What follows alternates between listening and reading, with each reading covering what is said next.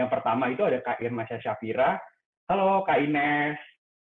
Kak Ines nyalain dong kameranya biar bisa halo-halo sama smart people. Halo. Aduh, Halo sama smart malu. people. Iya.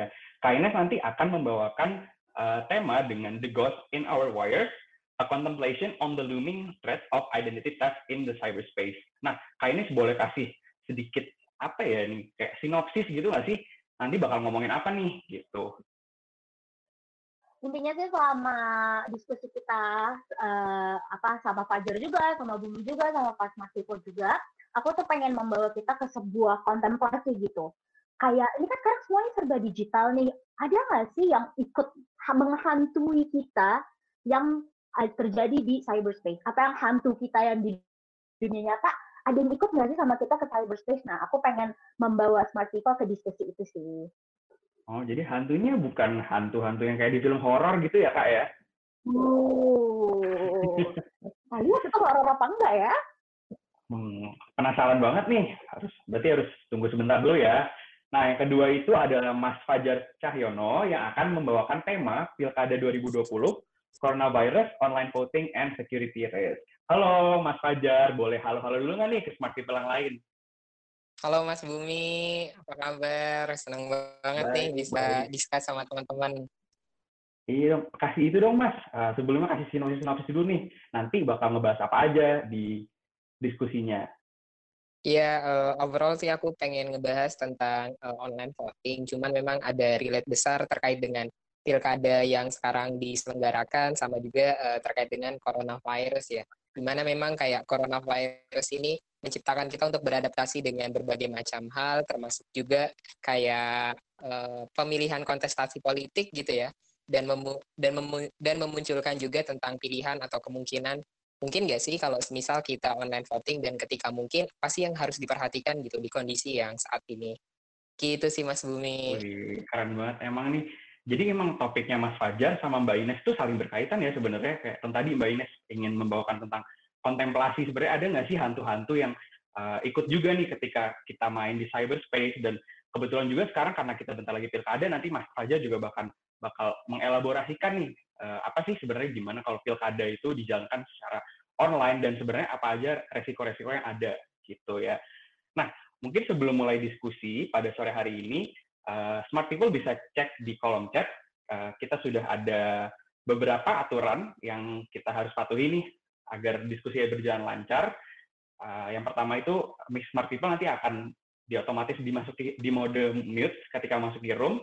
Terus nanti juga smart people dimohon untuk tidak melakukan present screen atau share screen. Dan bagi smart people yang ingin bertanya atau menyampaikan pendapat, nanti bisa menyampaikan melalui kolom chat dengan format nama, underscore instansi, underscore pertanyaan atau pendapat. Nah, jangan lupa saldo e-wallet bagi uh, satu orang penanya terbaik. Nah, jadi kalau misalnya orang-orang bilang ya kayak kalau misalnya uh, malu bertanya apa, apa sesat di jalan. Nah, kalau ini kalau misalnya malu bertanya, ngapain malu-malu orang nanti dapat e-wallet gitu ya kira-kira. Nah, uh, tanpa berlama-lama lagi nih, mungkin udah bosan juga ya dengan aku ngomong, langsung aja kita uh, mendengarkan paparannya dari Mbak Ines tentang tadi yang uh, ada hantu-hantunya nih, uh, gitu. Nah, sekarang uh, waktu dan tempat aku persilakan kepada Mbak Ines. Mungkin Mbak Ines bisa uh, share screen. Oke, halo smart people. Uh, pertama aku mau kenalin dulu. Tadi udah dikenalin juga sama Bumi. Aku Irna Safira. Aku Research Associate dari Center for Digital Society Universitas Gajah Mada. Nah, aku tuh kebetulan seorang kriminolog. Dulu aku lulusnya dari kriminologi UI. Jadi, apa ya, konsep hantu-hantu dalam kabel-kabel sesuatu yang udah aku pikirin banget dari zaman aku S1. Jadi dalam se, apa kurun waktu 10 sampai 15 menit ini atau bahkan sampai 20 menit kalau aku kesenangan balasnya eh, apa bahasnya, aku mau membawa kita ke sebuah kontemplasi tentang apa sih yang hantu yang yang ada kalau misalnya kita membawa jati diri kita dari dunia nyata ke cyberspace gitu. Nah, pertama aku mau bawa soal cyber security. Ini hubungannya sama saya apa sih? Karena kayak, coba kalau smart people aku tanya nih ya, uh, apa yang dipikirkan smart people pertama, apa yang muncul di kepala smart people pertama kalau ada yang ngomong soal cyber security. Kayak apa sih paling hacker atau misalnya CIA atau apa sih itu yang yang apa berline-line codingan kayak gitu. Nah, mungkin yang dipikir dari smart people dari cyber security itu itu. Nah, ternyata yang namanya cyber security ini tuh luas banget smart people. Kayak cyber security itu juga mencakup apa eh, kehidupan kita sehari-hari, keamanan kita di dunia cyberspace, kayak keamanan kita tuh keamanan kayak gimana.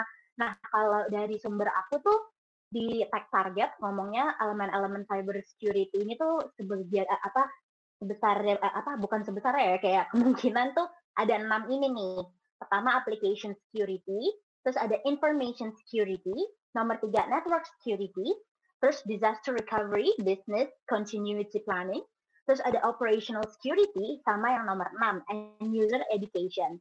Untuk nomor satu sama lima sebenarnya uh, aku juga udah mencoba untuk mendalami ya untuk apa pada saat aku sedang memikirkan topik ini aku tuh udah mendalami juga kayak mana nih yang bisa jadi bahan smart people paling dekat dengan kehidupan kita sehari-hari yang semuanya tiba-tiba nggak ada angin nggak ada hujan jadi harus di rumah. Kayak tadi Fajar bilang soal pandemi ini memaksa kita untuk digitali, eh, digitalisasi nah itu benar nah tapi di sini aku merasa kalau end user education nih yang paling dekat sama kita. Karena let's say kita udah uh, online ya, let's say average people biasanya online 3 jam sehari. Nah, dalam 3 jam sehari ini, kita udah aware belum sih sama apa aja yang kita lakuin, apa aja resikonya, apa aja mungkin terjadi. Nah, mungkin dari situ aku pengen masuk untuk membawa kontemplasi ini.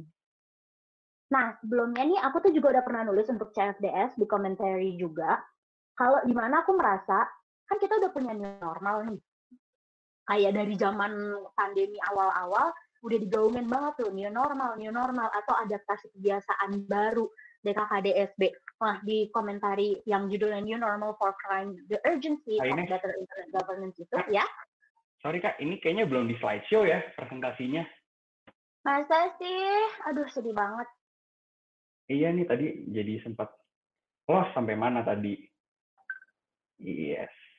Udah sampai sini. New normal ini ada hantunya lucu banget nih.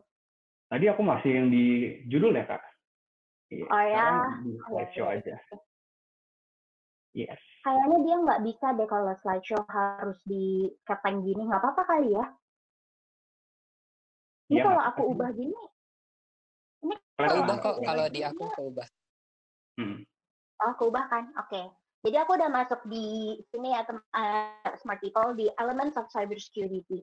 Dari berenam ini aku merasa uh, yang paling dekat dengan kita yang sering banget online karena kerja, karena main, karena everything comes from online dari entertainment kita dari online. Jadi aku merasa end user kita itu adalah hal terpenting dalam elemen cybersecurity yang bisa aku apa kasih ke kontemplasi yang bisa kita kontemplasikan bareng nih gitu. Nah berikutnya ada di aku udah pernah nulis juga tadi aku udah mention new normal for me. Kayak aku tuh khawatir kalau misalnya new normal kita akan membawa hantu-hantu baru juga. Nah gitu. Karena pada dasarnya saat ini tingkat awareness masyarakat secara keseluruhan terhadap cybercrime ini masih rendah. Nah, kenapanya nanti kenapa aku bisa ber asumsi seperti ini nanti aku jelasin di slide selanjutnya. Tapi intinya dalam artikel ini aku mencoba untuk mengcapture kekhawatiran saya terhadap bagaimana kejahatan yang awalnya menghantui kita di dunia nyata, kemudian akan mengikuti kita ke dunia siber. Gimana ya, kalau ngomongin identitas, itu tuh sebenarnya uh, sangat dekat sama kita, tapi susah juga untuk dijelasinnya gimana. Misalnya nih kita dulu dulu banget waktu m banking belum ada internet banking belum ada gojek gopay oppo itu belum ada kita kalau ngisi pulsa kan gimana ya? Pergi ke counter tulis nama kita sama nomor telepon kita eh tiba-tiba kita dapat sms pesugihan tiba-tiba kita dapat sms ma, uh, apa nak mama minta uang atau eh tiba-tiba kita dapat sms uh, eh, soal pinjaman atau apa pun itu. Itu sebenarnya juga bagian dari identitas kita tuh udah diambil kayak gitu. Jadi dengan nama kita itu tuh udah disalahgunakan. Nah, jadi itu aku pengen ngasih tahu nih, kenapa dari semua kejahatan siber yang ada di dunia ini, di jagat raya ini, karena kalau ngomongin kejahatan siber kita nggak bisa stick to satu geografi apa lokasi geografi gitu. Kayak nggak bisa ngomongin cuma cybercrime di Indonesia. Karena cybercrime itu kan terjadi di cyberspace. Di cyberspace itu salah satu sifatnya adalah borderless kan. Nggak ada nggak ada batas di cyberspace. Jadi susah untuk ngomongin kayak cyberspace Indonesia gitu tuh nggak ada nah makanya di sini tapi khusus untuk kasus ini kenapa aku pengen banget bawa kasus bawa topik identity theft untuk para smart people yang ada di sini itu adalah Nah, satu, 2,3 juta data KPU diduga bocor dan dijual di forum hacker. Dan kita di sini Mas Fajar mau bahas soal pemilu online gimana. Terus 13 juta data bocor buka lapak dijual di forum hacker. Siapa yang nggak punya buka lapak? Atau deh kalau misalnya ah pakai buka lapak, oh, oke okay, aku pakainya pinjol. Oke, okay, gimana kalau kredit plus? 900 ribu data pribadi kredit plus bocor di internet. Nah, atau yang ini nih, 91 juta data pengguna Tokopedia yang bocor masih bisa diunduh gratis. Dan ini ada apa namanya dari beritanya ya, 91 juta data pengguna Tokopedia ini harganya tuh setara dengan 74 juta rupiah loh Smart People. Jadi kayak apa it's so close to us. Dan ini pada saat itu beritanya rame banget. Karena dulu Tokopedia kan kita apa ya isinya banyak loh. Apalagi kalau yang nge-store credit card information di situ. Kalau ada yang nge-store kayak apa nama uh, punya toko di situ DKKDSB dan yang bikin saya makin greget lagi kalau Kepala Biro Pengelolaan Informasi dan Dokumentasi Humas Polri uh, Kombes Pol Muhammad Hendra Suhartiono itu mengatakan bahwa hanya ada 278 kasus pencurian identitas yang dilaporkan ke Barreskrim dari 11.777 kasus cybercrime yang dilaporkan. Sehingga cuma 2,3 persen kasusnya. Bayangin, yang bocor ada 91 juta orang datanya. Yang dilaporin cuma 278. Isn't it saying something? isn't it worth our thoughts, kontemplasi kita? Gitu. Jadi itu kenapa aku memilih kayaknya identitas deh. Ini dekat banget, tapi awareness-nya kurang gitu. Nah, terus uh, pertanyaan berikutnya, apa sih identitas itu?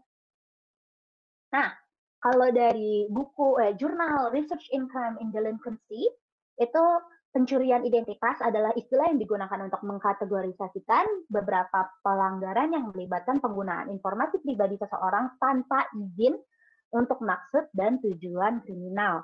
Jadi kalau ada orang yang dari buku pulsa itu make buat nipu, itu juga itu juga kita sudah kena yang namanya identitas kayak gitu. Nah, tapi di sini aku pengen highlight nih definisi ini melibatkan penggunaan informasi pribadi seseorang tanpa izin. Izin, consent. Kayak apa tuh izin dan consent dalam kasus-kasus kayak Tokopedia tadi? Nih, sekarang aku mau bawa Smart People untuk ke suatu role play ya lah ya case tadi. Kita bayangin aja nih bareng-bareng. Sama, kayak Tokopedia kan kemarin baru ada kerjasama tuh sama BTS Terus abis itu kita uh, fans BTS yang belum pernah dengar Tokopedia sebelumnya, terus kita kayak, hmm, uh, apa, dia kayak, hmm, gila seru banget nih Tokopedia bisa ngeinin BTS, ah gue download ah app-nya Tokopedia. Oke nih, terus kita ngedownload. Terus pas kita download, kita ditanya nih, nama kita, email kita, nomor kita, Terus biasanya bisa ngelink sama akun sosial media kita yang lain yang isinya juga berbagai informasi kita. Biasanya tuh yang paling common ada Google sama Facebook kalau apa namanya e-commerce begini. Terus kemudian kita pengen beli-beli nih di Tokopedia kayak oh ini bagus nih, oh ini bagus, oh ini oke okay, gitu. Terus abis itu ditanya metode pembayaran. Nggak semuanya terima COD. Nah, supaya kita gampang, kita masukin ke one click BCA atau mungkin kartu kredit kita kita taruh informasinya dalam Tokopedia. Nah, terus kan ada pertanyaannya tuh pasti syarat dan ketentuan. Terus abis itu di dalamnya tuh ada teks panjang banget.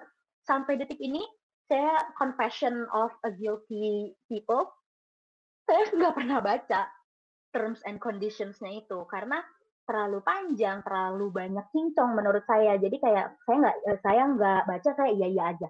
Tapi dengan saya iya iya aja itu, kita tuh udah memberikan izin kepada Tokopedia untuk menggunakan data kita seperlunya Tokopedia. Nah, kemudian langsung nih, pertanyaan saya yang nilainya 74 juta rupiah tadi. Kita tuh kasih izin nggak sih data kita untuk bocor dan kemudian dijual di dark web untuk alasan yang kita nggak tahu. Mungkin bisa untuk kriminal, mungkin bisa untuk keperluan algoritma, data mining, kita nggak tahu. Nah, mau lihat lagi nih hantu-hantunya makin banyak nih sebenarnya. Satu, kasus kebocoran data tuh nggak cuma pada commerce aja, tapi juga ada data penderita COVID-19. Itu tuh dijual juga di forum dark web namanya Rapid Share. Terus abis itu data DPT KPU tahun 2014 itu juga ada yang bocor. Nah, DPT kita kasih apa sih waktu kita apa namanya verifikasi data pemilih? Kita kasih KTP, kita kasih KK, terus kita kasih apa lagi tuh? Saya sih waktu itu kasih email sama nama juga ya. Tapi habis itu kayak KTP dan KK itu adalah basic minimum kita kalau mau pakai pinjol. Nah, terus gimana tuh? Mari coba kita kontemplasikan bareng-bareng. Nah, kemudian upaya cyber attack ini tuh meningkat selama pandemi. Karena ya jelas kalau tanpa pandemi aja cyber attack tuh udah sering. Gimana pandemi? Gimana semua orang fully utilize ini, fully utilize cyberspace gitu. Terus ada end user education itu mengajar kita mengajarkan kita untuk melakukan multi factor authentication. Jadi biasanya suka ada tuh yang kayak oke okay, enter password atau enter pin. Terus sudah kita enter tapi habis itu tetap ditanya uh, sidik jari. Untuk handphone-handphone yang bisa sidik jari biasa kayak gitu. Atau misalnya security question atau pattern kalau yang saya tahu di apa namanya Android tuh bisa minta pattern gitu-gitu. Itu namanya multi-factor authentication. Dan kita udah ngelakuin itu nih.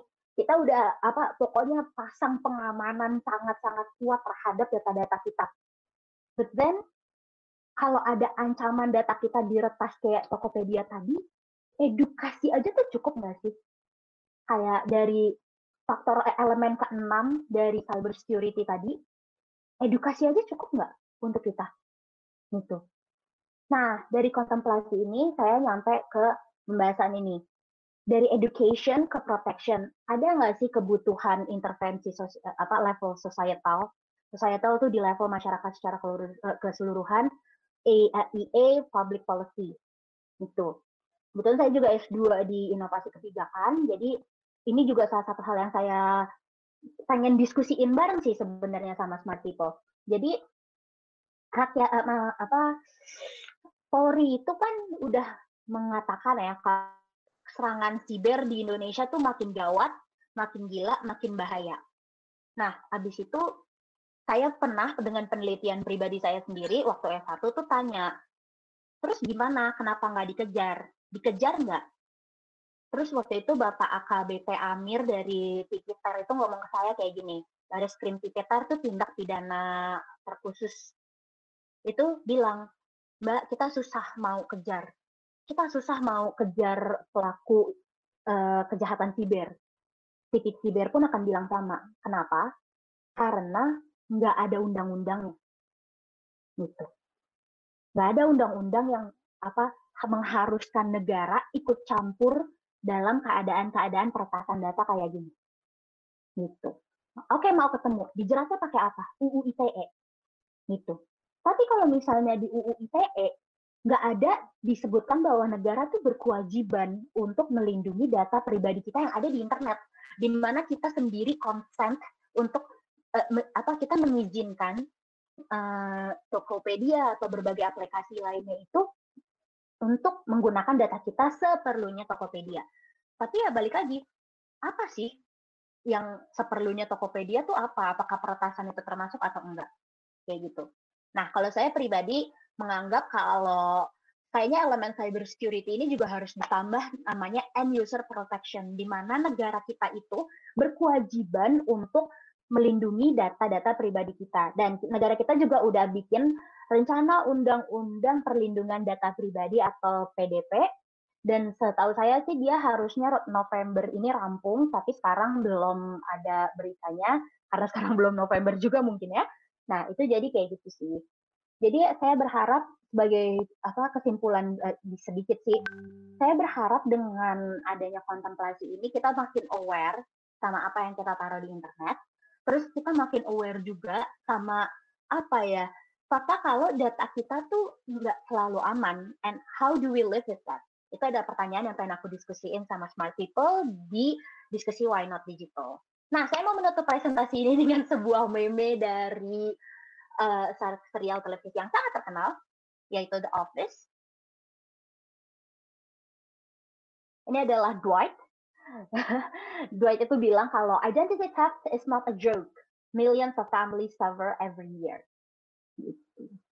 Oke, aku kira itu aja sih uh, dari aku. Bentar aku stop sharing screen.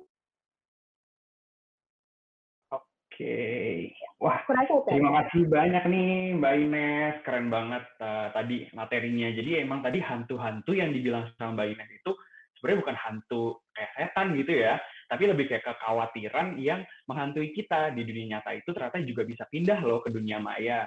Nah, apalagi tadi juga Mbak Ines sudah uh, mengelaborasikan nih gimana banyak banget data-data pribadi yang bocor gitu dari dari Tokopedia, dari Bukalapak gitu dan mungkin ada kurangnya awareness gitu ya dari masyarakat tentang pentingnya data pribadi dan dari negara pun juga kok sampai sekarang RUU PDP itu masih belum ada nih sekarang cuma pakai UU ITE aja nah padahal juga itu penting banget karena kayak juga uh, ada data pasien COVID-19 ada juga data pemilih tetap KPU yang nanti mungkin bisa uh, dielaborasikan juga ya sama Mas Fajar nah bisa tapi aku pengen nanya nih pengen nanya nih Mbak kalau misalnya dari kita sendiri ya kan tadi Mbak Ines pernah bilang nih kalau misalnya ah kalau misalnya baca terms and condition panjang banget terus jadi kayak malas sendiri.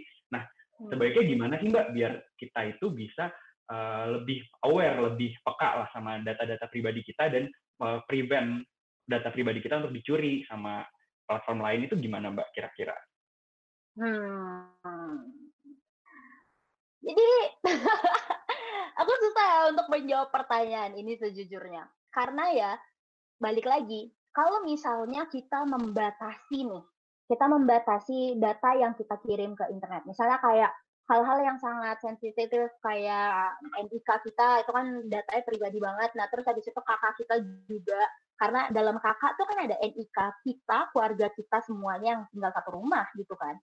Nah, kalau misalnya gimana caranya biar lebih aware, gimana caranya supaya kita prevent data kita untuk diambil, menurut aku pribadi sih ini emang udah harus di level society sih kayak negara emang udah harus apa menjadikan data pribadi kita itu sebagai aset kita sebagai aset eh, apa tiap warga negaranya itu supaya bisa melindungi sesuai dengan UU nomor 28 ayat 3 kalau nggak salah intinya itu adalah eh, kewajiban negara untuk melindungi data apa pribadi seseorang. Jadi negara Indonesia kan harus melindungi kita nih sebagai warga negaranya. Nah, itu tuh udah harus masukin digitalnya juga gitu loh. Menurut aku sih lagi kayak kayak gitu. Kalau dari kitanya sendiri, hal satu-satunya yang bisa aku kasih tahu adalah dilaporin gitu.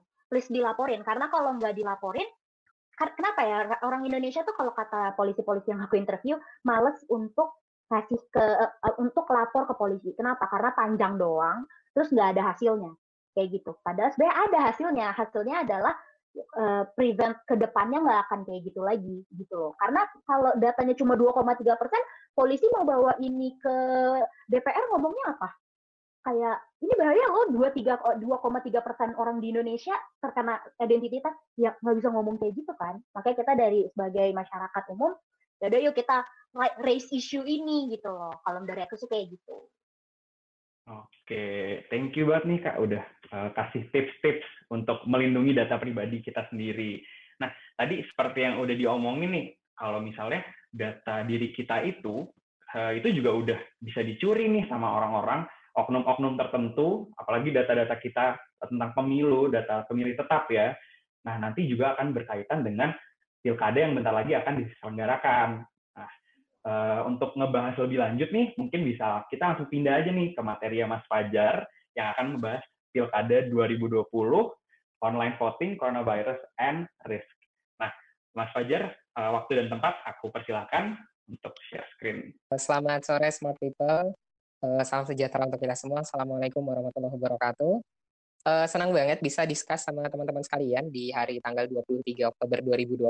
Uh, diskusinya juga tentang tema yang aslinya cukup dekat dengan kita ya. Cuman kadang uh, mungkin kita belum menyadari atau bahkan juga uh, mungkin juga belum tahu ya tentang uh, tema-tema tadi cyber security. Tadi udah banyak banget dijelasin sama Kak Ines tentang khususnya tentang cyber security berkaitan dengan masalah perizinan pengambilan data di dalam tatanan hukum di Indonesia yang memang masih kosong dan juga masih belum ada gitu ya. Uh, nah, kalau di kesempatan kali ini aku coba pengen uh, elaborasi lebih lanjut berkaitan dengan sesuatu yang mungkin uh, lagi hangat diperbincangkan khususnya bulan lalu ya tentang Pilkada 2020, coronavirus, online voting and security rights. Uh, sebelumnya uh, sedikit flashback dulu beberapa bulan yang lalu uh, pemerintah kita dalam hal ini Joko Widodo sebagai seorang presiden mendiskusikan dengan beberapa jajaran DPR-nya tentang kondisi Indonesia yang pada waktu itu tidak pernah terencanakan akan terkena dari uh, dampak coronavirus uh, dari Wuhan ya. Dan uh, singkat cerita pada bulan Februari atau Maret uh, Presiden menerbitkan uh, keputusan Presiden yang itu kaitannya dengan mengundur atau uh, pilkadanya itu tidak jadi dilaksanakan di bulan Juli ya. Dan pada September kemarin uh, kebetulan pemerintah uh, memutuskan dalam hal ini DPR bahwa pilkada akan tetap diselenggarakan tanggal 9 Desember 2020 dengan asumsi bahwa orang-orang yang nanti akan mengkampanyekan bukan hanya tentang mengkampanyekan dirinya tapi juga mengkampanyekan tentang coronavirus uh, yang saat ini masih uh, kita rasakan dan juga yang saat ini mungkin uh, sangat dekat dengan kita. Iya, ternyata berbicara tentang uh, coronavirus atau pandemi COVID-19 uh, bukan hanya berbicara tentang aspek kesehatannya saja, bukan hanya berbicara tentang aspek ekonominya saja, tapi juga uh, masuk dalam segala sendi kehidupan, termasuk juga uh, pendidikan. Ketika kayak uh, kita harus belajar atau mungkin kalau yang dosen sudah mengajarkan bukan lagi tatap muka ya, tapi dengan uh, online dengan menggunakan uh, apa namanya tools-tools tertentu gitu. Bahkan kegiatan hari ini juga dilakukan secara online ya. Yang mungkin kalau misal kita flashback beberapa bulan yang lalu di Fusion itu ya secara tatap muka langsung gitu. Jadi kita bisa discuss lebih enak dan juga uh, lebih seru gitu. Cuman karena pandemi COVID-19 ya udah kita jadi mau nggak mau menyesuaikan gitu.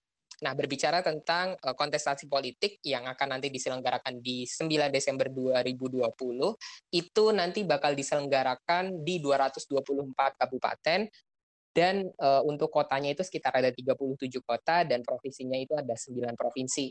Jika kita lihat atau kita takar lebih jauh, uh, Pilkada 2020 setidaknya jika diselenggarakan secara normal, maka akan menjadi kabar buruk bagi penanganan penyebaran dari COVID-19 di Indonesia. Mengapa demikian? Karena pilkada yang biasanya dilakukan atau dalam keadaan normal dilakukan sangat erat kaitannya dengan interaksi langsung, sangat erat kaitannya dengan perkumpulan massa dan juga sangat erat kaitannya dengan uh, ada banyak orang dan kita uh, di situ berinteraksi secara bersama-sama. Dengan demikian, setidaknya pemerintah hari ini punya tiga pilihan untuk menyeleng atau untuk uh, menyelenggarakan pilkada tahun ini. Yang pertama itu yang pasti pada waktu itu adalah tentang mengundur pilkada tahun ini atau 2020 sampai dengan uh, keadaan normal kembali dengan asumsi uh, kesehatan sudah bisa dilaksanakan dan ekonomi juga sudah pulih dalam arti ya nanti mungkin biayanya jadi nggak besar gitu karena nggak perlu lagi nih beli-beli alat protokol kesehatan yang memang nanti bakal menyesuaikan. Cuman tentu kos politik untuk hal itu akan sangat besar. Di mana memang ketika kita pengen demikian, pastikan uh, harus ada PLT uh, dan administrasi dan lain sebagainya. Dan hal itu tidak dipilih oleh pemerintah yang saat ini dan yang dipilih adalah pernyataan kedua yaitu berkaitan dengan pemerintah memilih menggunakan uh, pemerintah memilih menggunakan menunda pandemi dan menyelenggarakan Pilkada 2020 dengan protokol kesehatan apa sih uh, dampaknya bagi dunia kesehatan? Tentu walaupun sudah ada protokol kesehatan, tapi namanya mengontrol sekitar 110 juta masyarakat untuk melakukan pemilihan secara langsung bukan hal yang mudah. Bahkan uh, protokol kesehatan juga bukan hal yang murah dan bukan hal yang uh, bagus bagi ekonomi saat ini yang sedang ambruk juga gitu ya. Jadi uh, pemerintah mengambil hal ini dengan asumsi bahwa COVID-19 masih belum bisa diprediksi kapan selesainya dan uh, dengan asumsi juga bahwa orang-orang yang berkampanye akan juga mentransfer bukan hanya tentang uh, value-value atau gagasan-gagasan yang dibawa, tapi juga mentransfer tentang pandemi ini mau ke mana gitu, atau pandemi ini mengenalkan pandemi dan bagaimana caranya bisa keluar dari pandemi ini. Dan ada pilihan yang ketiga, pilihan ketiga yang mungkin hari ini juga sedang terjadi perdebatan cukup keras baik itu di US ataupun di uh, Indonesia pada uh, ketika awal-awal kemarin di pandemi yaitu tentang penyelenggaraan voting itu sendiri. Nah, uh, tentang tingkat kontrol uh, e-voting yang kaitannya dengan hal ini uh, itu apa setidaknya e-voting itu terbagi menjadi dua, yaitu yang pertama berkaitan dengan masalah uh, dia memang menggunakan internet, terus yang kedua memang tidak menggunakan internet, dan yang menggunakan internet pun ada tiga hal yang coba uh, di sini, yaitu yang pertama itu dia memang uh, di situ menggunakan mesin elektronik, yaitu kayak kalau kita nyoblos ya nyoblosnya itu di situ, terus yang kedua uh, dia itu bisa menggunakan uh, internet, tapi tempat nyoblosnya itu ada di mana-mana, tapi tanpa adanya pengawasan, dan yang ketiga kita memang menggunakan mobile phone kita untuk mencoblos gitu. Jadi nyoblosnya itu bisa di mana-mana gitu. Bisa di rumah dan dan lain sebagainya. Pada kesempatan kali ini uh, aku coba pengen mengelaborasi lebih lanjut. Uh, pertanyaan di sini adalah tentang apakah pandemi COVID-19 meningkatkan dorongan untuk pemungutan e-voting khususnya dengan metode yang ketiga yang ta yang tadi yang menggunakan internet voting dengan asumsi kita bisa mencoblos dari rumah, kita bisa mencoblos di mana-mana saja gitu. Dalam arti tidak berinteraksi langsung dengan orang lain dan lain sebagainya. Langsung ma masuk ke pertanyaan yang kedua, yaitu bagaimana resiko keamanan dari e-voting khususnya yang menggunakan metode internet voting. Nah, dari yang pertama di sini uh, e-voting hari ini atau opsi, opsi tentang e-voting hari ini hadir ada dua alasan besar yang mungkin uh, kita bisa rumuskan gitu ya atau aku menjadi catatan kritisku dalam dua alasan ini, yaitu pertama itu kesehatan, yang kedua itu berkaitan dengan masalah ekonomi. Kesehatan yang ku maksud itu adalah e, di mana e-voting ini memang secara e, apa namanya, secara sistem bisa bisa sangat bisa disesuaikan dengan kebutuhan kondisi kesehatan saat ini di mana memang interaksi langsung terus e, jaga jarak dan lain sebagainya itu bisa dilakukan uh, lewat e-voting yang tadi menggunakan internet voting. Di mana memang kalau misal kita pengen menggunakan internet voting, ya kita tuh bisa nyoblos di rumah aja, kita nggak perlu keluar, kita nggak perlu berkerumunan, dan pun nanti rekapitulasinya juga lebih cepat.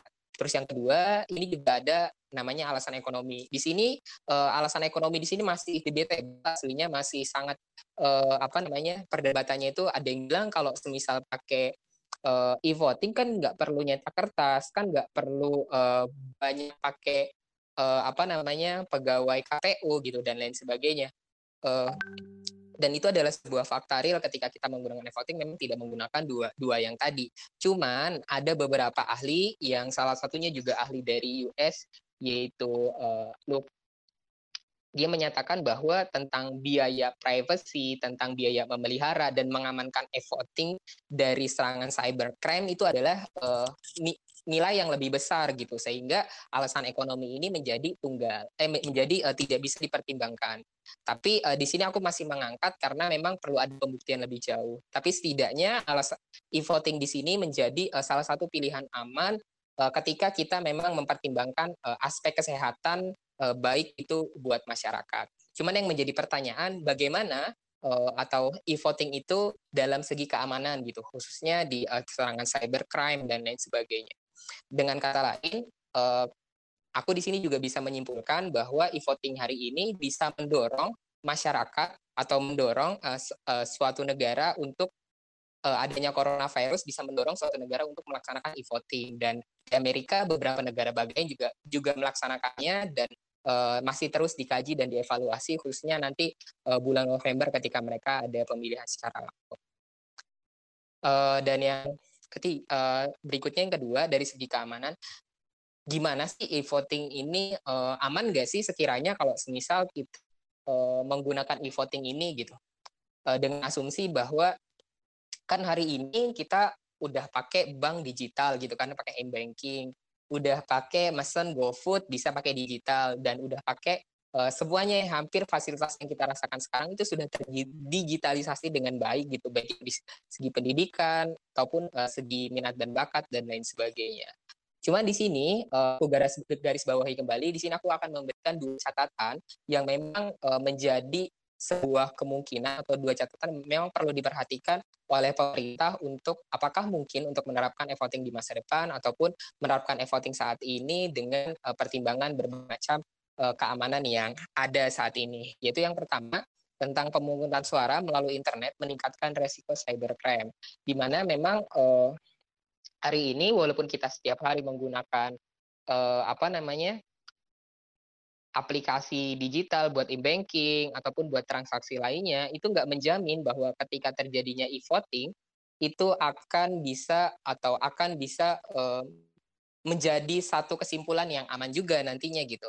Padahal hari ini kalau semisal teman-teman ketahui bahwa per satu menit atau per 39 detik itu ada satu kasus kejahatan cybercrime di dunia ini gitu. Bisa dibayangin ya ketika uh, voting yang sejatinya akan uh, menentukan lima, lima tahun ke depan kita mau kayak gimana itu bisa diserang oleh cybercrime. Jadi asumsi bahwa Eh, kita sudah menyelenggarakan tiap hari uh, transaksi digital dan lain sebagainya itu aman, makanya kita harus pakai e-voting itu tidak bisa dijadikan uh, dasar untuk kita menerapkan e-voting karena ya kasusnya di dunia terbukti walaupun dengan berbagai macam keamanan uh, itu masih uh, apa namanya masih sangat rentan.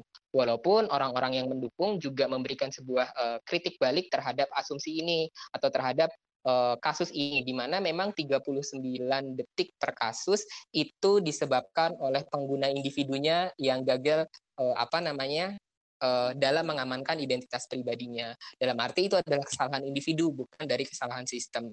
Cuman memang perlu diperdalam lagi kembali gitu. Apakah memang sangat dimungkinkan untuk uh, atau menghindari dari resiko cybercrime hari ini dengan penyelenggaraan e-voting. Walaupun demikian, hari ini banyak juga kok negara-negara yang memang sudah melaksanakan e-voting gitu.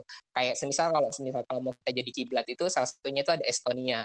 Walaupun beberapa negara maju bagi orang-orang yang mengkritik dari e-voting seperti Belanda, Perancis, uh, itu juga sudah meninggalkan e-voting karena uh, bagi mereka atau bagi rakyat mereka kita tidak bisa mempercayai mesin gitu yang mungkin kalau semisal orang yang melakukan sebuah kesalahan tidak terlalu banyak apa namanya kesalahannya tapi ketika mesin uh, ada transparansi dan lain sebagainya itu bisa sangat ada penggelembungan suara ataupun yang lain sebagainya.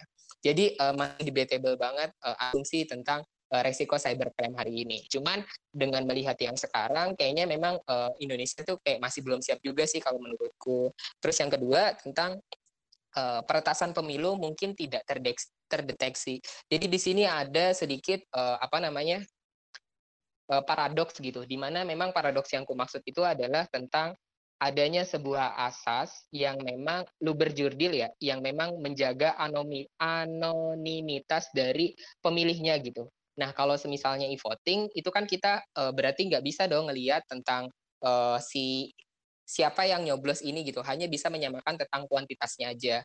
Kita berarti nggak bisa ngelihat bahwa yang aku coblos itu adalah A ya masuk ke sana adalah A gitu. Karena di surat suara itu ya nanti nggak bisa terdeteksi demikian pun ketika nanti bisa terdeteksi itu juga nanti perdebatannya dengan asas pemilih itu sendiri gitu. Jadi memang uh, apa namanya penegakan atau pembentukan hukum berkaitan dengan voting juga masih uh, belum ada dan ketika dipaksakan juga masih banyak hal yang memang perlu uh, diluruskan dan dipelajari dari negara-negara lain. Dan ini menjadi sebuah paradoks yang memang uh, justru dari banyak negara banyak gagal perihal ini dan menyebabkan masyarakatnya tidak percaya dan kembali lagi yang sebelumnya sudah menyelenggarakan e-voting dan kembali menjadi uh, tidak menyelenggarakan e-voting. Dari dua kasus ini aku melihat bahwa memang uh, keamanan dalam e-voting itu sendiri uh, dari kejahatan cyber ya masih uh, debatable dan masih bisa uh, dikaji lebih jauh gitu. Di mana memang khususnya di Indonesia opsi demikian uh, baru benar-benar dikaji secara serius di 2020 kemarin. Karena ketika uh, Menteri Dalam Negeri uh, Pak Tito dia dalam acara seminar uh, menugaskan beberapa uh, apa namanya beberapa pegawainya untuk belajar ke luar negeri untuk mempelajari secara khusus tentang e-voting ini dengan asumsi tentang uh, efisiensi, efektivitas, pemangkasan biaya dan lain sebagainya. Walaupun demikian, hari ini juga kita masih tetap uh, walaupun Indonesia belum bisa menerapkan e-voting hari ini, kita juga masih tetap bisa belajar dari negara-negara mana aja yang sudah pernah melakukan e-voting dan negara-negara mana aja yang berhasil. Kalau berhasil kita bisa berkaca terhadap Estonia, kalau misalnya gagal mungkin kita bisa berkaca terhadap uh, Jepang, Belanda ataupun Perancis gitu ya. Dan di catatan terakhirku di sini aku pengen menyimpulkan bahwa uh, pandemi COVID-19 uh, memang sejatinya itu juga uh, mendorong adanya pemungutan suara secara e-voting gitu ya dengan pertimbangan kesehatan dan ekonomi. Dalam hal ini e-voting dalam metode yang menggunakan internet yang kita bisa mencoblos dari mana aja bisa menyesuaikan dengan karakteristik dari penyebaran COVID-19 itu sendiri, di mana memang uh, meminimalisir tentang interaksi langsung, meminimalisir tentang kerumunan. Walaupun hari ini pelaksanaan dari uh, apa namanya PSBB juga masih dipertanyakan gitu ya, uh, apakah Indonesia sudah herd immunity atau memang yang lain sebagainya. Tapi uh, saya tidak akan membahas lebih jauh.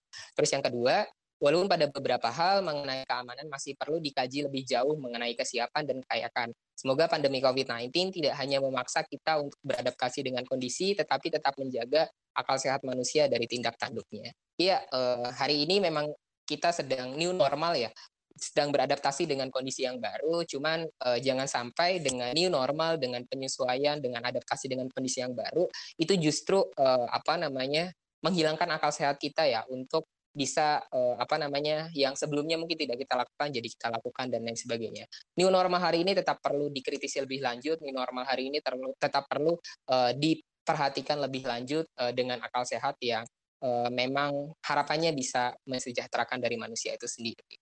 Uh, itu yang bisa aku sampaikan. Nanti mungkin uh, setelah ini bisa diskus lebih lanjut dan uh, aku kembalikan ke Mas Bumi. Terima kasih banyak Mas Fajar atas paparannya tentang Pilkada 2020 dan juga uh, e-voting ya yang kemungkinan bisa diterapkan nggak sih di Indonesia.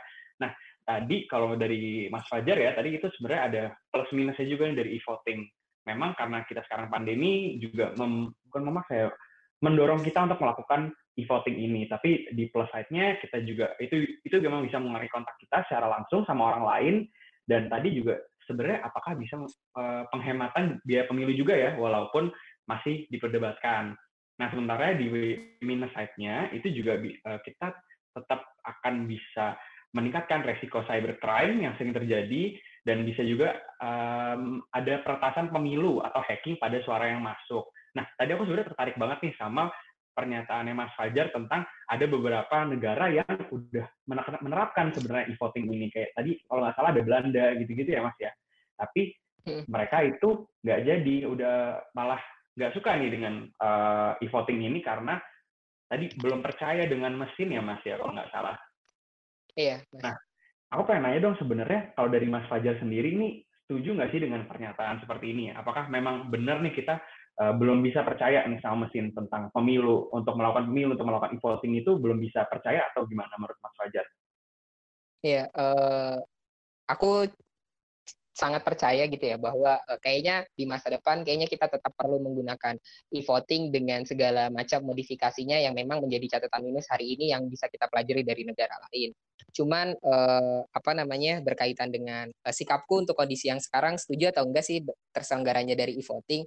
Jujur uh, kalau misal di di statementku ya aku bisa katakan nggak setuju gitu. Karena memang kalau khususnya di Indonesia sendiri keamanan cyber itu masih menjadi catatan minus tersendiri gitu.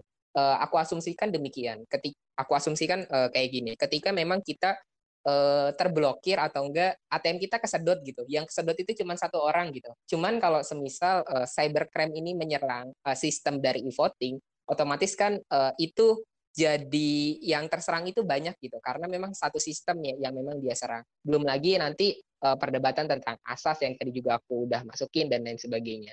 Pun uh, apakah ini mungkin diterapkan di masa depan atau enggak? Ya bisa banget dan negara-negara lain pun aslinya juga uh, sudah menerapkan kayak uh, Estonia yang memang jadi rujukan.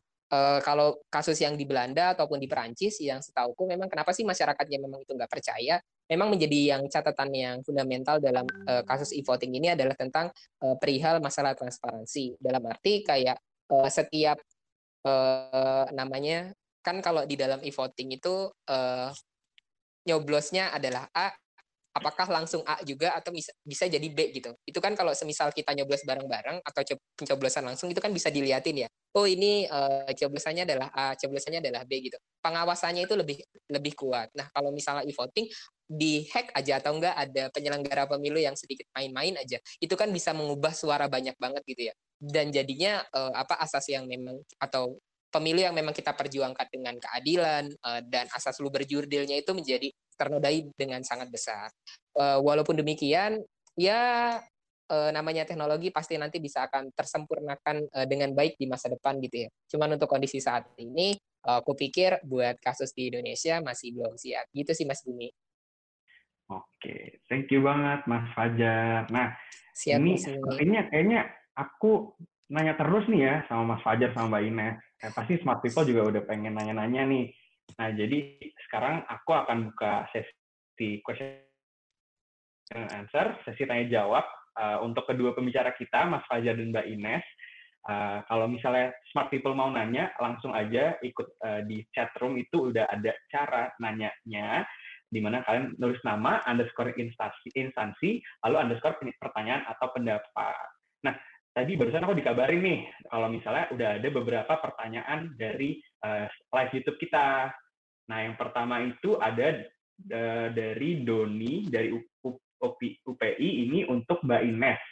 Kenapa sih RUU PDP itu penting dalam perlindungan data pribadi? Emangnya kalau misalnya UU ITE aja nggak cukup ya? Terus uh, yang kedua itu ada Mas Aldi dari USU. Selamat sore Kak Fajar. Saya ada pertanyaan ini. Perbandingan keunggulan dan kelemahan e-voting dan konvensional atau secara langsung itu gimana sih? Nah, mungkin tadi dari uh, Mbak Ines dulu ya bisa uh, menjawab pertanyaan dari Doni dari UPI. Boleh langsung aja Mbak Ines, aku persilahkan. Oke. Jadi halo Mas Doni. Aku tuh gimana ya, dari pertanyaannya kan adalah kenapa UU PDP penting, RUU PDP penting, kenapa nggak ITE aja, kan gitu ya pertanyaannya. Jadi itu sebenarnya kepentingan UU RUU PDP tuh bisa dilihat dari berbagai macam perspektif. Kalau aku pribadi pasti ngelihatnya dari perspektif kriminologi ya, kayak penegakan hukumnya, terus abis itu bagaimana keselamatannya gitu. Karena cyber security itu tuh nggak, aku menurut aku susah banget untuk dikeluarin dari konteks cybercrime. Karena cyber security ada untuk pastinya untuk melindungi kita dari kejahatan gitu. Nah kalau menurut aku sendiri RUU PDP itu tuh mendefinisikan apa yang dimasuk data. Jadi bentar ya nih aku buka juga. Tapi intinya sebenarnya salah satu kalau dari obrolan aku sama Pak AKBP Amir di TV Fair dan juga ada Pak Siswono dari TV itu tuh yang membuat uh, baris krim kita atau kepolisian Indonesia itu susah banget untuk mendapatkan untuk mengejar pelaku cybercrime. Sama aku juga pernah main ke uh, kalau di Depok tuh apa ya? Polda apa Polres ya? Pokoknya aku pernah main ke daerah polisi di Depok. Terus abis itu aku lagi nguping nih ceritanya. Karena aku kan lagi observasi lapangan kan. Itu ada seorang uh, dia pemilik toko online terus abis itu dia ditipu nih gitu dia ditipu terus dia bilang pak saya mau laporan soal uh, penipuan reaksi pertama polisinya itu adalah oke okay, kita usut, terima kasih sudah mendaftar, tapi jangan harap uangnya balik. Terus abis itu, waktu itu aku ingat, aku sama teman aku berdua lagi observasi lapangan, terus aku tanya, Bu, kenapa nggak bisa balik? Kan itu penipuan online. Penipuan online di toko online. Masuk UU ITE banget dong. Kayak gitu. Nah, terus abis itu, si ibunya selalu bilang, ya, tapi abis itu kita ngejerat si pelakunya pakai apa mbak? Karena dia nipu. Tapi kan si masnya juga bolehin dia ke Tokopedia gitu loh. Jadi kayak defini, pendefinisian yang nggak jelas soal apa itu data, apa yang dilindungi, negara intervensinya sampai mana, itu tuh belum ada. Makanya habis itu RUU PDP ini menjadi suatu hal yang sangat penting untuk mendefinisikan itu. Karena hukum itu kan sifatnya kan konstitusional ya, dia tertulis gitu loh. Jadi kalau nggak tertulis, it's impossible untuk badan-badan negara kita untuk bergerak gitu. Jadi kalau misalnya menurut aku RUU PDP itu pentingnya dari segi penegakan hukumnya sama dasar-dasar yang memaksa instansi-instansi kayak Tokopedia atau Menkominfo, BSSN itu untuk jadi lebih aware sama perlindungan data kita tuh kayak apa gitu. Kalau menurut aku pentingnya kalau PDP kayak kenapa UU ITE nggak cukup? Karena UU ITE itu tuh melindungi transaksi, sementara PDP melindungi data.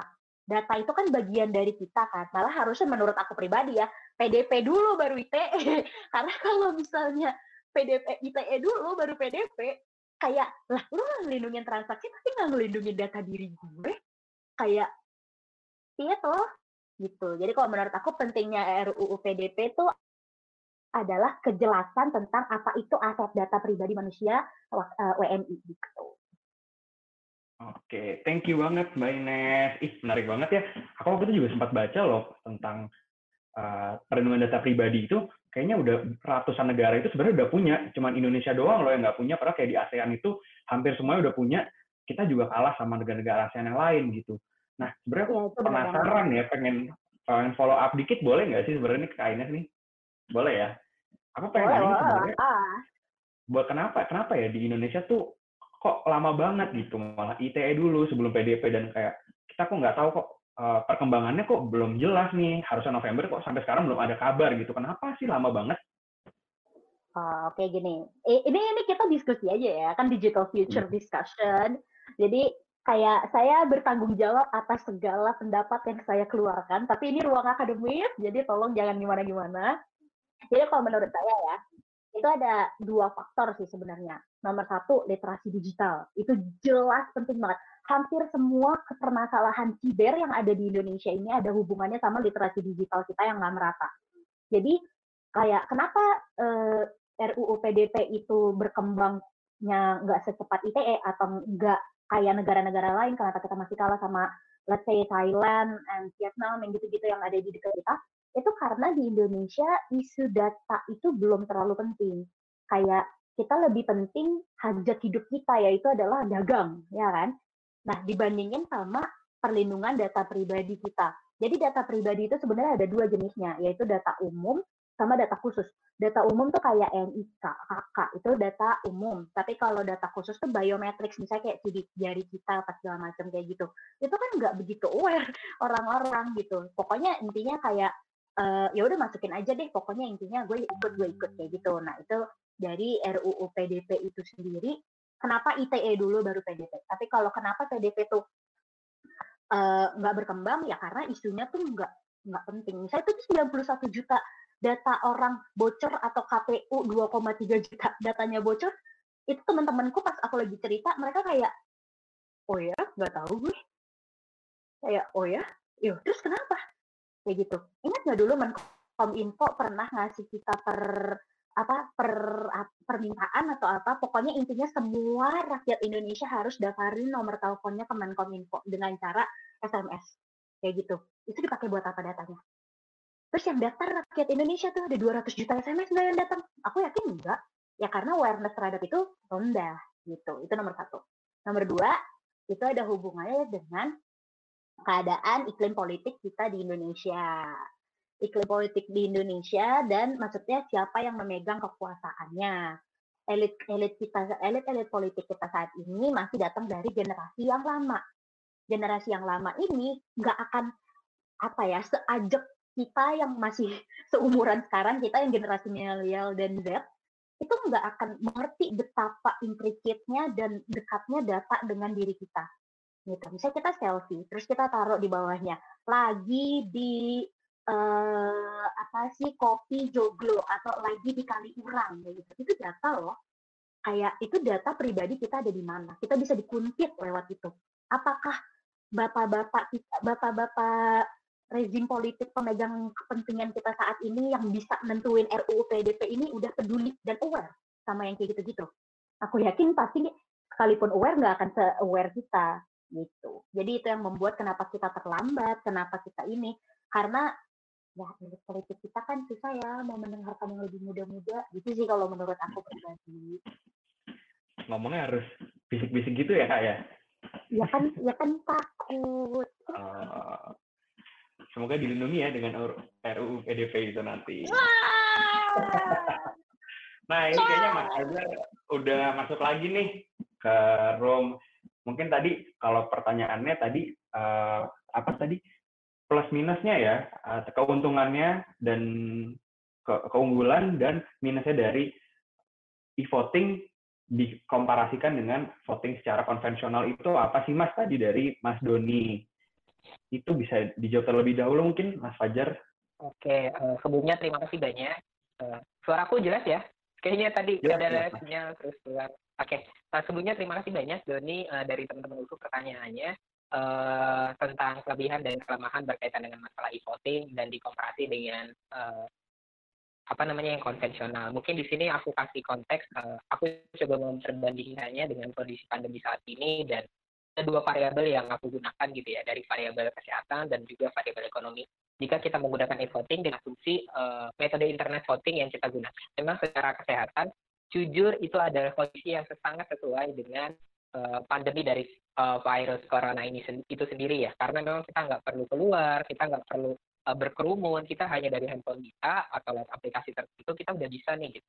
Jadi uh, itu juga yang coba dilakuin oleh teman-teman uh, di UGM ya KPUN UGM itu kayak pakai si masker gitu buat nyoblosnya gitu.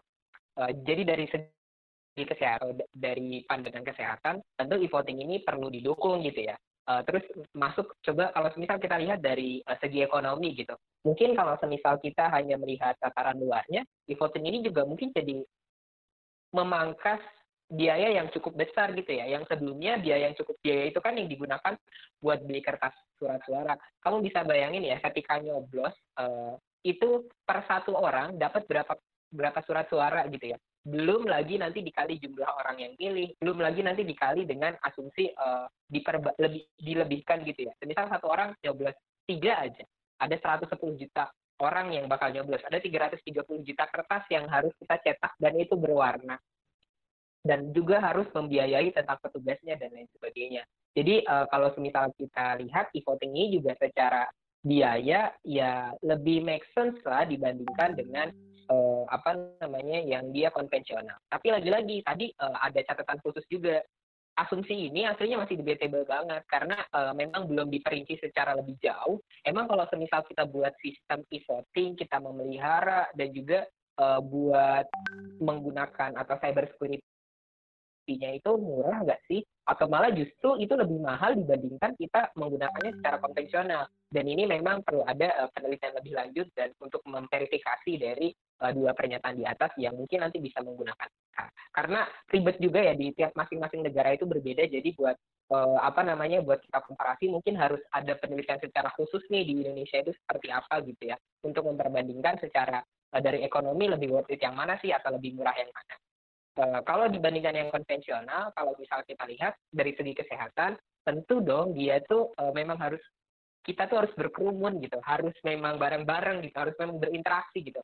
Well, uh, kalau misal kita menggunakan protokol kesehatan, kan uh, apa namanya itu nambah biaya lagi ya, udah nggak worth it secara kesehatan, itu juga nggak worth ini secara ekonomi udah harus nyetak surat suara dia juga harus nanti beli hand sanitizer juga harus nanti mungkin uh, beli masker dan protokol kesehatan yang lain sebagainya plus nanti juga uh, apa namanya uh, pembagiannya mungkin per per per TPS itu ya nggak lagi kayak sebelumnya gitu yang jumlahnya memang bisa banyak tapi mungkin yang sekarang itu jadi lebih sedikit.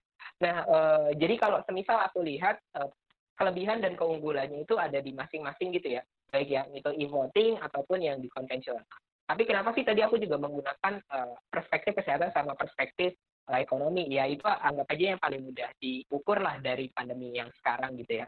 Tapi uh, apakah mungkin mana yang paling worth it gitu ya? Ya lagi-lagi terhadap pilihannya teman-teman ya. Kalau semisal uh, aku coba melihat bahwa oh kayaknya memang uh, belum waktunya nih sekarang dan waktunya mepet dan lain sebagainya. Kalau mungkin pandemi masih ada beberapa tahun lagi mungkin bisa dicoba ya. Dengan karakteristik virus yang baru lagi gitu ya ternyata harus benar-benar jauh ya nggak bisa pakai protokol kesehatan lagi. Mungkin nanti e-voting uh, harus dicoba gitu ya. Atau enggak kasusnya kayak di kampus ya. Mahasiswa nggak pada di kampus terus uh, kalau pengen nyoblos ya ya harus ke kampus gitu. Ya mau nggak mau kan pakai e-voting. Mungkin ada kondisi demikian yang bisa nanti uh, memaksa ilmuwan kita memaksa pengambil kebijakan kita untuk berpikir lebih keras lebih keras lagi gitu ya dalam uh, penerapan e-voting ini sendiri. Mudah-mudahan menjawab buat Mas Doni, tapi uh, harapannya bisa dapat feedback atau komentar bahkan uh, kritik balik untuk uh, apa namanya uh, statement yang aku berikan di uh, argumentasi yang aku uh, sampaikan ke Mas Doni. Itu Mas. Uh, Mas Oke. Terima kasih banyak nih Mas Fajar atas jawabannya. Tadi kayaknya kalau misalnya Mas Fajar bilang tentang oh kita pakai voting dulu nih di kampus buat pemilihan di kampus. Kayak aku waktu itu pernah lihat deh ada kampus gitu yang udah uh, menerapkan e-voting waktu itu lihat di TikTok sebenarnya kayaknya dari kampus bisnis atau mana gitu ya. Mungkin UGM mau berinovasi kali ya.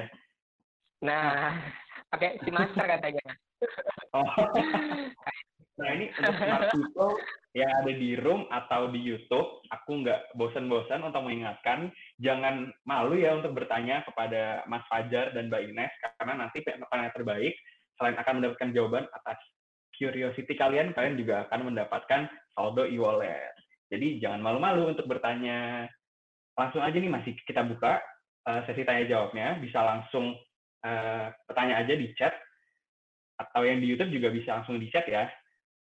Nah, aku udah dapet laporan lagi nih kalau misalnya ada pertanyaan dari YouTube. Dari Mas Made dari UNUT, itu habit fundamental apa sih yang uh, perlu kita lakukan agar tidak terkena cybercrime jika Indonesia menerapkan e-voting suatu hari nanti. Ini untuk Kak Fajar ya. Sama satu lagi itu juga tadi ada pertanyaan untuk Mas Fajar juga dari Romaishu dari Iain Parepare. Apakah jika dalam penerapan e-voting tetap bakal ada pengawas pemilu dan lain-lain? Kalau tadi kan Mas Fajar bilang kalau misalnya pemilu secara langsung kan memang banyak pengawasnya, banyak petugasnya juga ya, karena kan kita menerapkan social distancing. Nah, kalau misalnya penerapan e-voting itu ada nggak sih yang mengawasi jalannya pemilu itu ada nggak gitu? Mungkin Mas Fajar bisa menjawab dua pertanyaan ini dulu nih Mas. Uh, maaf tadi uh, Bung yang pertanyaan pertamanya apa ya? Aku tadi belum sempat nyata. Oke. Okay. Yang pertama itu tadi habit apa sih yang kita harus ubah biar uh, ketika e-voting nanti kita nggak kena cybercrime. Nah itu mas. Jadi oh, kita iya. habit uh, penggunaan biar lebih aware gitu kali ya sama uh, perlindungan data kita sendiri. Iya, uh, aku mungkin jawab dari yang pertama dulu ya uh, tentang apakah nanti pengawasnya jadi nggak ada gitu. Tentu uh, tetap ada, cuma memang jumlahnya aja berkurang gitu ya. Aku ingat banget ya ketika dulu uh, masih SMA SMA gitu ya. Menjadi petugas KPU adalah menjadi seseorang yang paling menyenangkan gitu ya, karena memang uh, digajinya besar, Uh, dan kerjanya ya nggak terlalu ribet gitu ya. Banyak nongkrong nongkrongnya banyak jajanannya dan banyak makanannya gitu ya. Dan dari situ bisa kita gambarkan bahwa memang uh, menjadi petugas KPU ya selain gajinya juga lumayan uh, dan kerjanya pun ada yang berat ada yang nyantai. Kebetulan waktu itu aku uh, bagian yang leha-lehanya lah yang nyantai-nyantainya gitu. Uh, kalau misal dengan adanya e-voting tentu pasti berkurang gitu ya dibandingkan uh, apa namanya yang konvensional. Tapi apakah memang benar-benar nanti nggak ada Ya menurutku sih nanti uh, bisa diperdebatkan lebih dalam gitu ya. E-voting yang kita gunakan ini e-voting yang mana? Apakah e-voting yang kita gunakan itu uh, e-voting yang memang tetap coblos di ruang yang sama tapi menggunakan komputer itu juga sudah bisa disebut sebagai e-voting gitu. Dan itu tetap butuh pengawas. Ataupun e-voting yang model yang kedua, dia itu bisa dicoblos di mana-mana tapi di ruang publik, tapi ada mesinnya juga gitu. Misal ada di mall, ada ada di uh, kafe gitu ya, atau enggak ada di kampus gitu. Itu juga mungkin nggak perlu pengawas yang banyak. Gitu. Atau mungkin yang ketiga nih, yang memang uh, pengawasnya itu memang yang nggak nggak terlalu banyak banget gitu ya, yang uh, harus kita bisa jadi nyoblos di mana-mana. Loginya jadi cuma pakai scan muka gitu ya, kayak uh, apa namanya iPhone gitu atau enggak mungkin sidik jari atau enggak mungkin uh, iktp kita gitu. Tapi yang pasti kalau semisal uh, penggunaan dari e-voting ini akan sedikit memangkas dari uh, pengawas itu sendiri gitu ya. Dan yang senang ya pemerintah juga. Tapi ya lagi-lagi debatable. Kalau semisal kita buat sistemnya lebih mahal kan bisa jadi sama aja. Itu pertanyaan yang pertama. Terus pertanyaan yang kedua, uh, tadi berkaitan dengan apa sih yang memang kita perlu perhatikan gitu ya, ketika nanti memang diselenggarakan uh, e-voting ini itu sendiri ya. Yang pasti uh, kalau semisal kita lihat dari kasus di global tentang kejahatan di cybercrime, hari ini uh, setiap 39 detik ada satu kejahatan yang memang kaitannya dengan uh, di kejahatan di dunia digital gitu ya. Uh, dan diasumsikan atau di kita telisik lebih dalam disebabkan oleh banyaknya kesalahan individu. Kesalahan individu yang aku maksud itu uh, lebih banyak kayak kita sudah sejauh mana sih uh, memberikan batasan-batasan privacy gitu ya. Ternyata kalau misal di masa depan tentang uh, apa namanya edukasi kita tentang penggunaan iktp, edukasi kita tentang uh, bagaimana membuat PIN yang baik, edukasi kita tentang eh, hal-hal uh, yang memang berkaitan dengan hal itu gitu. Dan yang pasti kalau semisal uh, hal itu sudah bisa diterapkan kayak kita sudah teredukasi dengan baik kayak hal-hal tentang oh misal di masa depan banyaknya itu lebih pada menggunakan iktp gitu. Oh misal di masa depan banyaknya itu menggunakan apa gitu. Kita sudah teredukasi dengan baik hal itu sih bisa kita hindari secara perlahan gitu ya karena ya tadi yang aku bilang bahwa ternyata kesalahan yang banyak itu bukan dari sistemnya gitu ya. Tapi lebih banyak kesalahannya itu dari individunya pribadi. Mungkin uh, kesalahannya ada di mana di individunya di bagian mana itu mungkin bisa nanti uh, dijelaskan di penelitian selanjutnya. Atau mungkin juga Mbak Ines tadi ya sempat uh, menyentuh itu lebih jauh tentang identitas yang memang bisa diperjualbelikan dengan mudah di uh, apa namanya di forum-forum gelap. Dan mungkin juga uh, apa namanya identitas mana aja sih yang memang fundamental untuk kita bisa uh, perhatikan dalam uh, cybercrime hari ini mungkin nanti Mbak Ines bisa jawab juga. Gitu sih Mas Bumi, semoga menjawab uh, tadi pertanyaannya. Terima kasih dan uh, apa bisa ditanggapi gitu, terbuka. Oke, terima kasih banyak Mas Fajar. Nah ini dari Google Meet ada pertanyaan nih dari Mbak Putri dari UGM bagaimanakah adekuasi regulasi perlindungan data pribadi Indonesia. Banyak yang bilang pentingnya literasi di kalangan masyarakat, tapi dari pemerintah sendiri sudah sejauh manakah upaya pemerintah dalam melindungi keamanan warga negaranya. Nah, terus uh, dia masih ada follow up ya. Di satu sisi kita juga mendengar banyak sekali aktivis dan juga masyarakat yang mengalami doxing atau pertasan akun pribadinya. Nah, ini pendapat kedua pembicara gimana sih terhadap uh, kasus ini? Ini, mungkin dari Mbak Ines bisa jawab duluan kali ya. Ya, oke. Okay. Hmm, aduh, Mbak Putri, ini aku ikut sesuatu yang pengen aku jadiin tesis, jadi aku jawabnya akan menggebu-gebu kayaknya ya. Kayak adekuasi regulasi perlindungan data pribadi di Indonesia. Kayak literasi di kalangan masyarakat penting, tapi pemerintah uh, usahanya sampai mana? Terus abis itu aktivis. Aduh, aduh, aduh, aduh. I love you, Mbak. Apresiasi besar-besarnya. Jadi kalau misalnya soal apa namanya pentingnya uh, edukasi regulasi. Nah, kalau dari aku pribadi, aku rasa itu masih ada di tahap RUU PDP itu. Kayak that's what uh, upaya terbesar pemerintah kita saat ini yang konkret banget soal uh, perlindungan data kita. Nah, kalau misalnya ngomongin aktivis, itu beda lagi. Karena kalau misalnya ah, gimana ya?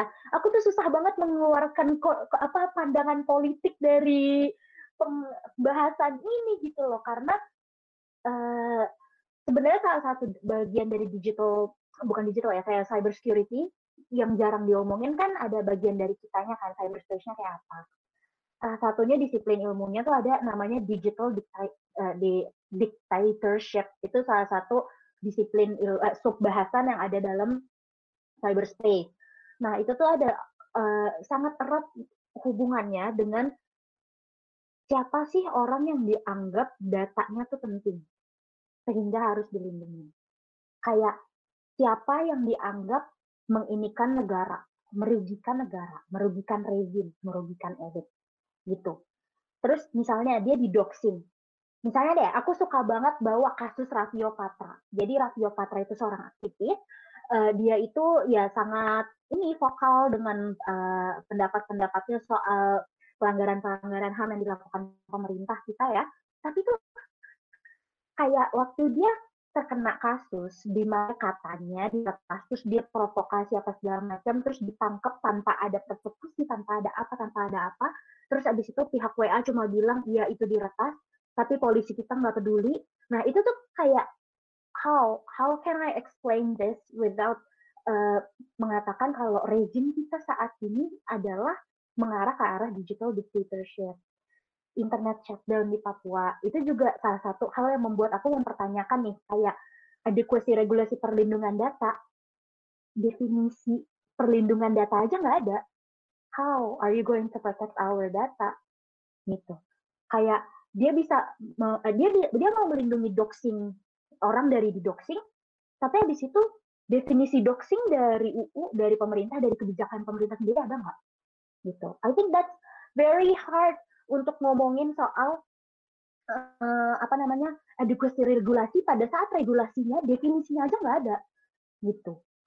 Karena bahkan untuk ngomongin soal apa namanya uh, belum ngomongin soal aktivis digital dictatorship ya untuk ngomongin data pribadi kita manusia biasa yang nggak ngapa-ngapain yang kerjanya oh Tokopedia enak aduh tapi males langsung BCA kayak gitu aja belum ada gimana mau ngomongin data aktivis-aktivis yang dianggap merugikan. Balik lagi nih kita semua. Coba bisa dijawab mungkin Mbak Putri sendiri kayak pemerintah kita ini apa sih mikirnya? Gitu. Ini kayaknya kalau misalnya dilanjutin diskusinya bisa sampai besok kali ya, Mbak ya. Bahkan bisa sampai, sampai divisi selanjutnya. Sampai tesis.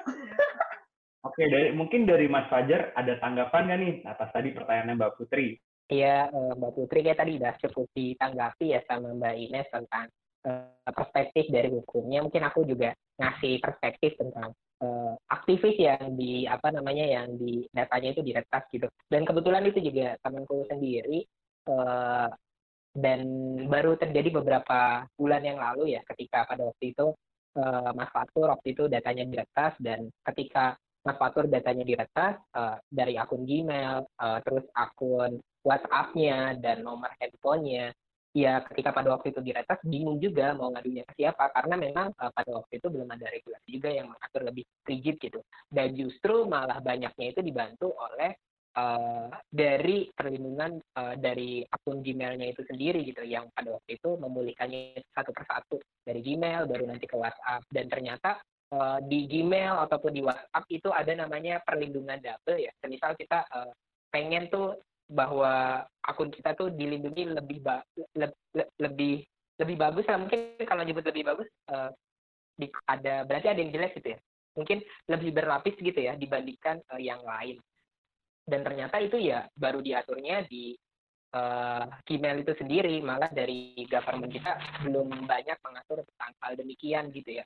Jadi buat terus berkaitan dengan masalah peretasan dan lain sebagainya itu juga jadi uh, obrolan rahasia umum ya bahwa memang peretasan dan lain sebagainya itu juga bisa dilakukan dan jasanya pun e, bisa ditemukan juga gitu. Kalau misal kita pengen menggunakan e, itu dan ya jadi nggak terlalu sulit ya. Cuman memang e, lagi-lagi aku juga di sini sangat berharap bahwa PDP yang hari ini sedang dikaji oleh pemerintah lebih jauh dan karena kemarin sempat tidak terselesaikan di satu sisi memang PDP penting tapi ketika kemarin kita lihat uh, undang-undangnya itu juga masih ternyata masih banyak juga catatan yang memang uh, banyak diperhatikan juga oleh orang-orang yang uh, concern di uh, apa di data pribadi itu, itu sendiri gitu ya.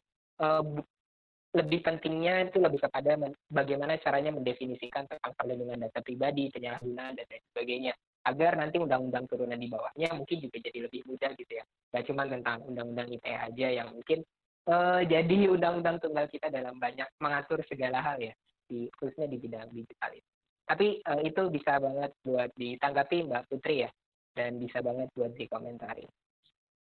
Mantap pertanyaannya. Terima kasih Mas Fajar. Ini menarik banget ya emang diskusinya. Sampai-sampai kayaknya waktunya nggak cukup gitu kalau misalnya mau dilanjutin. Nah, berhubung waktunya sudah jam segini nih, eh, kita aku udah mau karena kita juga diskusi juga udah mau berakhir ya. Mungkin dari Mas Fajar dan Mbak Ines mau memberikan closing statement dulu uh, sebelum aku tutup diskusinya, mungkin dari ya. Mbak Ines terlebih dahulu kali ya. Aman, Mas.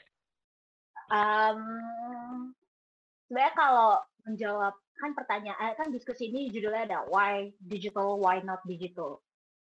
Kalau menurut aku dari segala diskusi kita hari ini, closing statement yang paling benar adalah kita nggak perlu takut sama media itu dengan internet dan teknologi itu sendiri. Kita nggak perlu takut karena kayak yang aku tahu kejahatan tuh udah ada dari kapan tahu. Dari awal banget ya mungkin uh, Nabi Adam makan buah kuldi itu kejahatan gitu loh. Cuma we always live survive through it gitu. Tapi yang paling penting tuh adalah ya we have to be aware.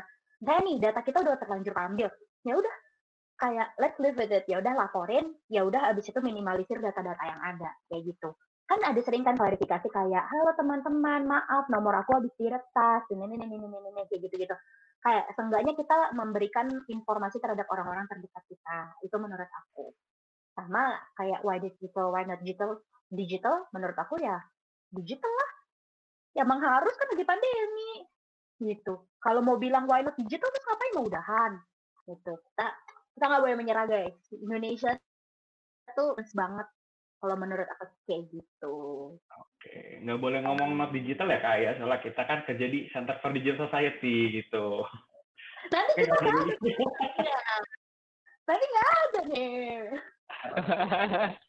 Mas Bumi dari Mas Fajar gimana nih Mas Fajar? Ada closing iya, statement nggak? Ya, uh, kurang lebih sama sih dengan Mbak Ines.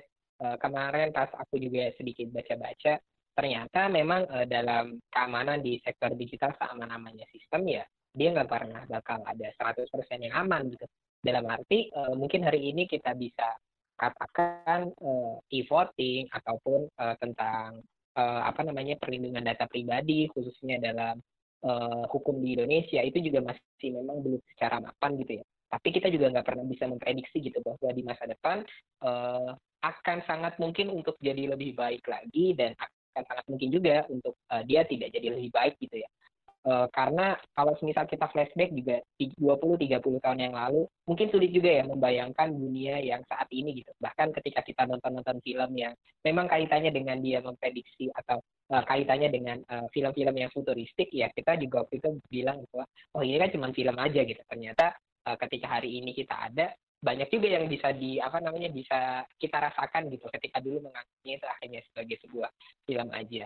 Uh, jadi uh, catatanku uh, harapannya dengan adanya uh, teknologi digital hari ini kita boleh optimis gitu ya uh, dan juga boleh pesimis gitu ya. Tapi uh, dari kedua hal itu bagaimana kita tetap bisa kritis ya terhadap setiap kemajuan yang ada dan juga uh, tetap membuka peluang juga bagi teknologi untuk hadir dalam kehidupan kita yang kaitannya itu uh, kehidupan uh, privacy kita ataupun uh, di bidang-bidang lainnya. Dari aku itu uh, terima kasih banyak juga buat teman-teman atas diskusinya hari ini.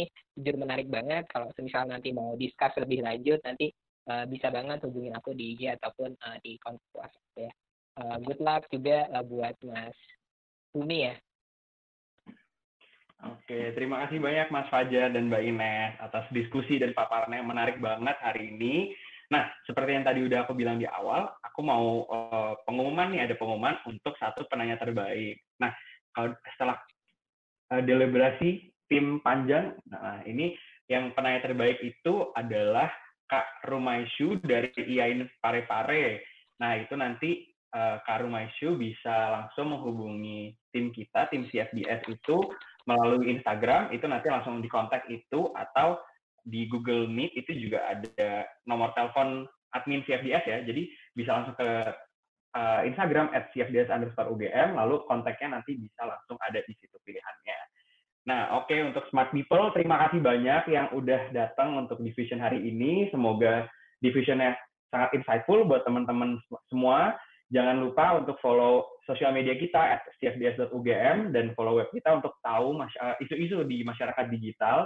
Dan juga teman-teman yang udah ikut juga minta tolong bantuannya untuk mengisi ugm.id slash kritik saran CFDS karena kita akan selalu memberikan yang terbaik. Setiap uh, acara kita dan kritik dan saran teman-teman sangat membantu buat acara-acara kita selanjutnya.